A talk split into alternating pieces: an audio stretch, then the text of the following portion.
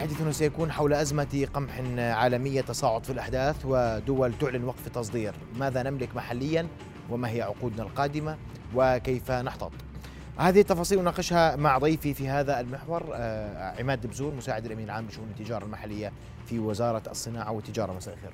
مساء الخير يا أخي محمد المستمعين رؤيا بودكاست. أستاذ عماد راح نحكي شوي في الدجاج في نهاية المحور لكن بدي أبدأ من القمح. نعم. والسؤال الأساسي مخزوننا بكفي ولا ما بكفي وقديش بكفي اليوم؟ نعم.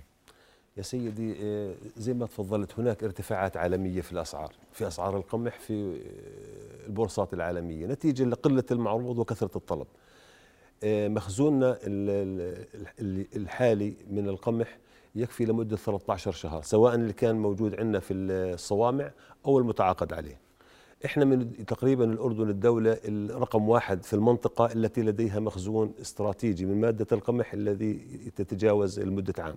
اليوم مخزوننا آه، بتجا 13 آه، شهر بيكفينا بناء على معدلات الاستهلاك اليوميه، إحنا معدل الاستهلاك اليومي مادة القمح تقريبا 3000 طن بمعدل 90000 طن بالشهر. هذا استهلاكنا الشهري 90 نعم طن. 90000 طن معدل نعم. وعندنا مخزون 13 شهر. نعم. وهذا مع المتعاقد عليه؟ مع المتعاقد عليه نعم. آه، واليوم في دول تعلن وقف التصدير. نعم. إحنا وين بنستورد قمح؟ آه سيدي إحنا بتتم عملية استيراد القمح عن طريق طرح عطاءات دورية. تكون فيها وزارة الصناعة والتجارة. آه يتم الاستيراد من عدة مناشئ. يعني إحنا ما بنحدد. مثل دول البحر الأسود رومانيا من آه، يعني معظم الكميات اللي تم استيرادها السنة كانت من رومانيا آه، من أي منشأ إحنا ما عندنا أي مشكلة في المنشأ بشرط إنه يكون القمح مطابق للقاعدة الفنية والمواصفات اللي محطوطة بموجب دعوة العطاء اللي بتكون فيها وزارة الصناعة والتجارة. طب القلق اليوم إنه ممكن دول إحنا نستورد منها أو أو نطرح عطاء ونلاقي والله إنه فيش في السوق. هذا الكلام أو سعره مرتفع جدا. نعم هذا بصير اليوم. صحيح، الآن في صحيح إنه في قلة في في المعروض. والأسعار العالمية فعلا في ارتفاع. الآن يعني وصلت أسعار القمح نتيجة الأزمة الأوكرانية الروسية حتى لأنه بتعرف أوكرانيا وروسيا تقريبا الكميات اللي تصدر من طريقهم تقريبا 30% من من اللي بتصدر على بالعالم. الآن هذا السوق وقف. بالآن التالي هذا انعكس على أسعار القمح عالميا. الآن فعلا في شح في المعروض لكن وارتفاع بالأسعار. لكن إحنا في الصناعة والتجارة لا زلنا نطرح عطاءات ونقوم بالشراء حتى بالرغم من ارتفاعات الأسعار، يعني في دول موجود فيها القمح حاليا ويتم الدخول آه، في العطاءات وسيتم تعزيز المخزون الاستراتيجي، هذا طبعا كله بناء على توجيهات ملكية سامية، إنه يكون الأردن مركز إقليمي لتخزين الحبوب. وإحنا التقطنا هذه الرسالة الملكية السامية بالعمل على تخزين تعزيز المخزون الاستراتيجي بالإضافة إلى زيادة الساعات التخزينية. إحنا الآن في عندنا ساعات تخزينية تقريبا مليون ونص طن نقدر نخزن. بالإضافة إلى في خطة عندنا مخزنين إحنا إذا عندنا مليون ونص؟ نعم. قديش مخزنين منهم؟ الآن في عندنا تقريبا 750 ألف طن حاليا موجود بالإضافة للكميات اللي موجودة متعاقد عليها على الطريق. عندنا خطة إلى زيادة حتى الساعات التخزينية خلال العام الحالي والعام القادم حتى تصل طاقتنا التخزينية إلى مليونين ومئة ألف طن. هذا نهاية العام القادم. إن شاء الله. هذا القمح. نعم. يعني بدنا نعمل مستوعبات جديدة وبدنا نشتري. نعم عن طريق إنشاء. الساعات الموجودة. لا بدنا آه، إنشاء مستوعبات جديدة نعم. قديش مساحتها التخزينية؟ مساحتها التخزينية خطتنا خطتنا إلى 750 ألف خلال العام الحالي ويعني العام القادم. والمخزون اللي عندنا بكفينا 13 شهر نعم. فيش ما بين الموجود عندنا حاليا والمتعاقد عليه، المتعاقد عليه طبعا هو يعني أحيي عطاء على شركات ومن يعني خلال الشهرين القادمات البواخر يعني تصل تباعا إن شاء الله. تبدأ تصل آه، تباعا. ما في منها يعني من المتعاقد عليه لا من روسيا ولا من أوكرانيا يعني كله من رومانيا جايين. كله من رومانيا كله من الفترة القادمة. نعم. وما عندناش مشكلة في في منشأ القمح. لا ما عندنا. إحنا بهمنا المواصفه القياسية القاعدة الفنية يكون القمح القمح مطابق للقاعدة الفنية بغض النظر عن المنشأ. الآن في عدة مناشئ. ممكن تكون في أستراليا في في كندا في في أمريكا في في دول الاتحاد الأوروبي. موجود. حتى في رومانيا الآن موجود قمح. طيب. الشعير. نعم. شو وضعنا؟ كمان يا سيدي مخزوننا الاستراتيجي من مادة الشعير آه، مريح وكميات كبيرة. قديش بكفي؟ الآن بكفينا المخزون الاستراتيجي الموجود عندنا لتسع شهور. معدل استهلاكنا الشهري من مادة القمح 70 ألف طن.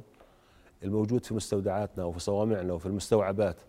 بالإضافة للمتعاقد عليه بكفينا لتسع شهور. ولا زلنا مثل ما حكيت بنطرح عطاءات دورية وسوف يتم تعزيز المخزون الاستراتيجي بكميات إضافية بالرغم من ارتفاع الأسعار. قديش ارتفع الشعر؟ والله هو الشعير ارتفع يعني خلال لو نقول قبل أزمة كورونا لليوم الآن تجاوز ال 400 دولار الطن. القمح تجاوز ال 500 دولار الطن. الأسعار اللي, اللي اليوم قديش كنا نشتري زمان؟ يعني لو بنحكي معدل سعر نفع عام عام 2021 تقريبا 320 330 دولار للطن. هذا سنة 21 نعم تقريبا نعم. والسنة فوق ال 500 دولار؟ الآن المعروض القمح أكثر يعني ممكن 520 دولار الآن. في البورصات العالمية تقريبا 520 دولار. نعم. والشعير تقريبا 400 دولار وقد يتجاوز هذا الرقم. طيب في م... والشعير مخزونه تسع أشهر. نعم تسع في خطة للشعير؟ نعم. إحنا طبعا مثل ما حكيت إحنا بيتم طرح عطاءات دورية. م. إحنا في عندنا بالتنسيق مع وزارة المالية في خطة من هون لنهاية العام إنه يبقى المخزون الاستراتيجي عندنا يكفي إلى مدد كبيرة. ولا زال لدينا هذه الخطة بالتنسيق مع وزارة المالية وتم رصد المخصصات المالية حتى نستمر بعملية الشراء بالرغم من ارتفاع الأسعار. موضوع تأمين مخزون استراتيجي من مادة القمح والشعير موضوع له أولوية كبيرة بناء توجيهات ملكية زي ما حكيت أنه يكون الأردن حتى نطمح إلى أن يكون مركز إقليمي لتخزين القمح ومادة الشعير والحبوب بشكل عام. طيب بدي أنتقل للدجاج. في ارتفاع أسعار الدجاج. يا سيدي إحنا مثل ما بتعرف إحنا قبل شهر رمضان تم اتخاذ قرار معالي الوزير بتحديد سقوف سعرية لماده الدجاج. كويس. إحنا لما بنحط سقوف سعرية يتم مراجعة هذه السقوف السعرية دوريا. بعد فترة العيد الآن تم تشكيل لجنة من وزارة الزراعة فنيين من وزارة الزراعة لإعادة حسبه تكاليف إنتاج مادة الدجاج. فنتيجة ارتفاع الأسعار العالمية للمواد العلفية خاصة الذرة والصويا اللي هي بتدخل آه، آه، تأخذ النسبة الأكبر من تكلفة إنتاج الدجاج ف آه، في هناك ارتفاعات على أسعار مادة الدجاج تقريبا من 20 إلى 25 قرش للكيلو، وإحنا لازلنا نقوم برصد يومي إلى أسعار الدجاج التي تتباع في المحلات في كل محافظات المملكة، إذا شعرنا إنه هناك في أي مغالاة في الأسعار سنعود ونتدخل بوضع سقوف سعرية لها. في مطالب برفع سعر الدجاج 10%. لا سيدي هو أصلا يعني بعد ما تم تكلفة حساب تكلفة آه، أسعار الدجاج تم تحرير السقوف السعرية وارتفعت أسعار الدجاج يعني ارتفعت كمان. النسبة. لا الآن إذا إذا شعرنا مثل ما بحكي إنه إحنا نرصدها يوميا. إذا كان هناك أي ارتفاعات غير مبررة سوف تقوم الوزارة مرة أخرى بوضع سقوف سعرية. ما عماد بيك إحنا بنحكي عن قمح وشعير نعم. ودجاج ومشتقاته صحيح؟ نعم. كل هاي الأمور اليوم الناس بتطلع عليها ناس قلقانة من ارتفاع أسعار يا سيدي والحكي كله إنه في ارتفاع أسعار قادم شئنا أم أبينا نعم يا سيدي بالنسبة للقمح والشعير م. الآن مادة القمح هناك قرار من مجلس الوزراء بتثبيت أسعار الخبز، يعني القمح ينتج هو يعني مادة لإنتاج الخبز، هناك قرار بتثبيت أسعار الخبز. ومهما كانت الأسعار اللي موجودة حاليا سوف يبقى سعر الخبز زي ما هو. وتتحمل الخزينة الفروقات الأسعار الحالية. هذا بالنسبة لمادة القمح من من سعر الكلفة اليوم؟ لا اليوم اليوم عندنا مثل ما حكيت لك ارتفاعات كبيرة بالأسعار. الفرق هذا اللي موجود م. سوف يثبت أسعار الخبز لن يتم زيادة أسعار الخبز. بس أنا سؤالي لو بدنا حر لو فرضنا إنه سعر الخبز محرر نعم. بيطلع عليه بيطلع في فرق؟ نعم يا سيدي الآن تكلفة الخبز لا تقل عن 52 إلى 53 قرش الكيلو اللي بينباع ب 32 إذا بدنا نحسبها آه، بدون دعم. الآن هناك دعم يقدم إلى كلفة الخبز نعم. اليوم 53 قرش تقريبا 53 قرش للكيلو. وهو يباع بقديش؟ الخبز الكبير ب 32 قرش والخبز الصغير ب 42 قرش. م. نعم. بالنسبة لمادة الشعير. وهذا الفرق كله بتحمله الخزينة. نعم تتحمله الخزينة. بغض النظر عن ارتفاع الأسعار. هناك قرار بتثبيت أسعار الخبز. نعم. بالنسبة لمادة الشعير كمان تستورد الحكومة مادة الشعير كمادة استراتيجية يتم تقديمها بأسعار مدعومة بيعها الأسعار بأسعار مدعومة لأصحاب الحيازات والمربي الثروة الحيوانية. وهناك كمان دعم بغض النظر عن كميات عن فروق الأسعار.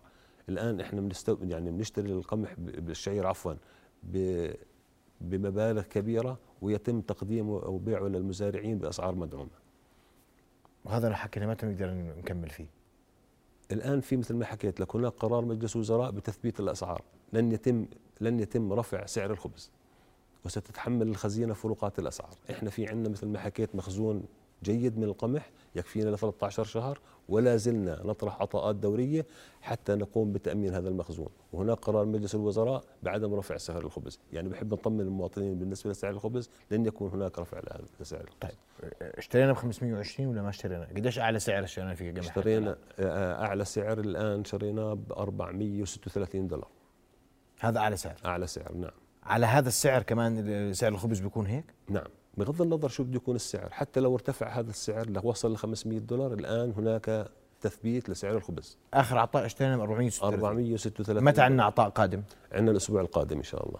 الأسبوع القادم. إن شاء الله. وهذا هذا رح نشتري على 520 إذا ما زادش السعر كمان. إحنا الآن لما بنطرح العطاءات بنشوف يعني في شروط لدعوة العطاءات وبنشوف الأسعار. إحنا يعني بنشتري وإحنا مرتاحين حقيقة. في عندنا رصيد كافي بنشوف الأسعار بندرس الأسعار العالمية وبناء على العروض اللي بتتقدم لنا يتم الشراء بأقل الأسعار ضمن المواصفة وضمن القاعدة الفنية الأردنية. طيب أستاذ عماد أسألك سؤال عام بسأل عن كل السوق، أنا سألتك عن اختصاصك يعني في في موضوع الدجاج وموضوع القمح والشعير ولكن أسعار عموما اليوم في وزارة الصناعة والتجارة عندكم قراءة انه هناك مزيد من ارتفاع الأسعار في السوق المحلي نظرا للارتفاعات العالمية في كل شيء؟ سيدي إحنا بتعرف يعني كثير العديد من مدخلات الإنتاج يتم استيرادها من الخارج. وإحنا نحن لسنا بمعزل عن العالم. شو بصير في يعني ارتفاعات أسعار عالمية بالآخر بدها تنعكس على سواء على المنتج المحلي أو على المادة المستوردة. آه، هناك ارتفاعات يعني غير طبيعية في الأسعار في أسعار المواد المصدرة خاصة المواد الغذائية على مستوى العالم. خاصة نتيجة الأزمة الأوكرانية كمان فاقمت المشكلة بزيادة الآن. يعني مثل لما نتكلم عن الحبوب نتكلم عن الزيوت. ومثل ما حكيت إحنا لسنا بمعزل العالم. بالآخر بده يتأثر يعني السعر للمنتج المحلي أو للمادة المستوردة.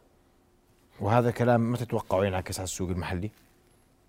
هلأ إحنا لما بدنا يعني إحنا بنقوم بدراسة الأسواق العالمية.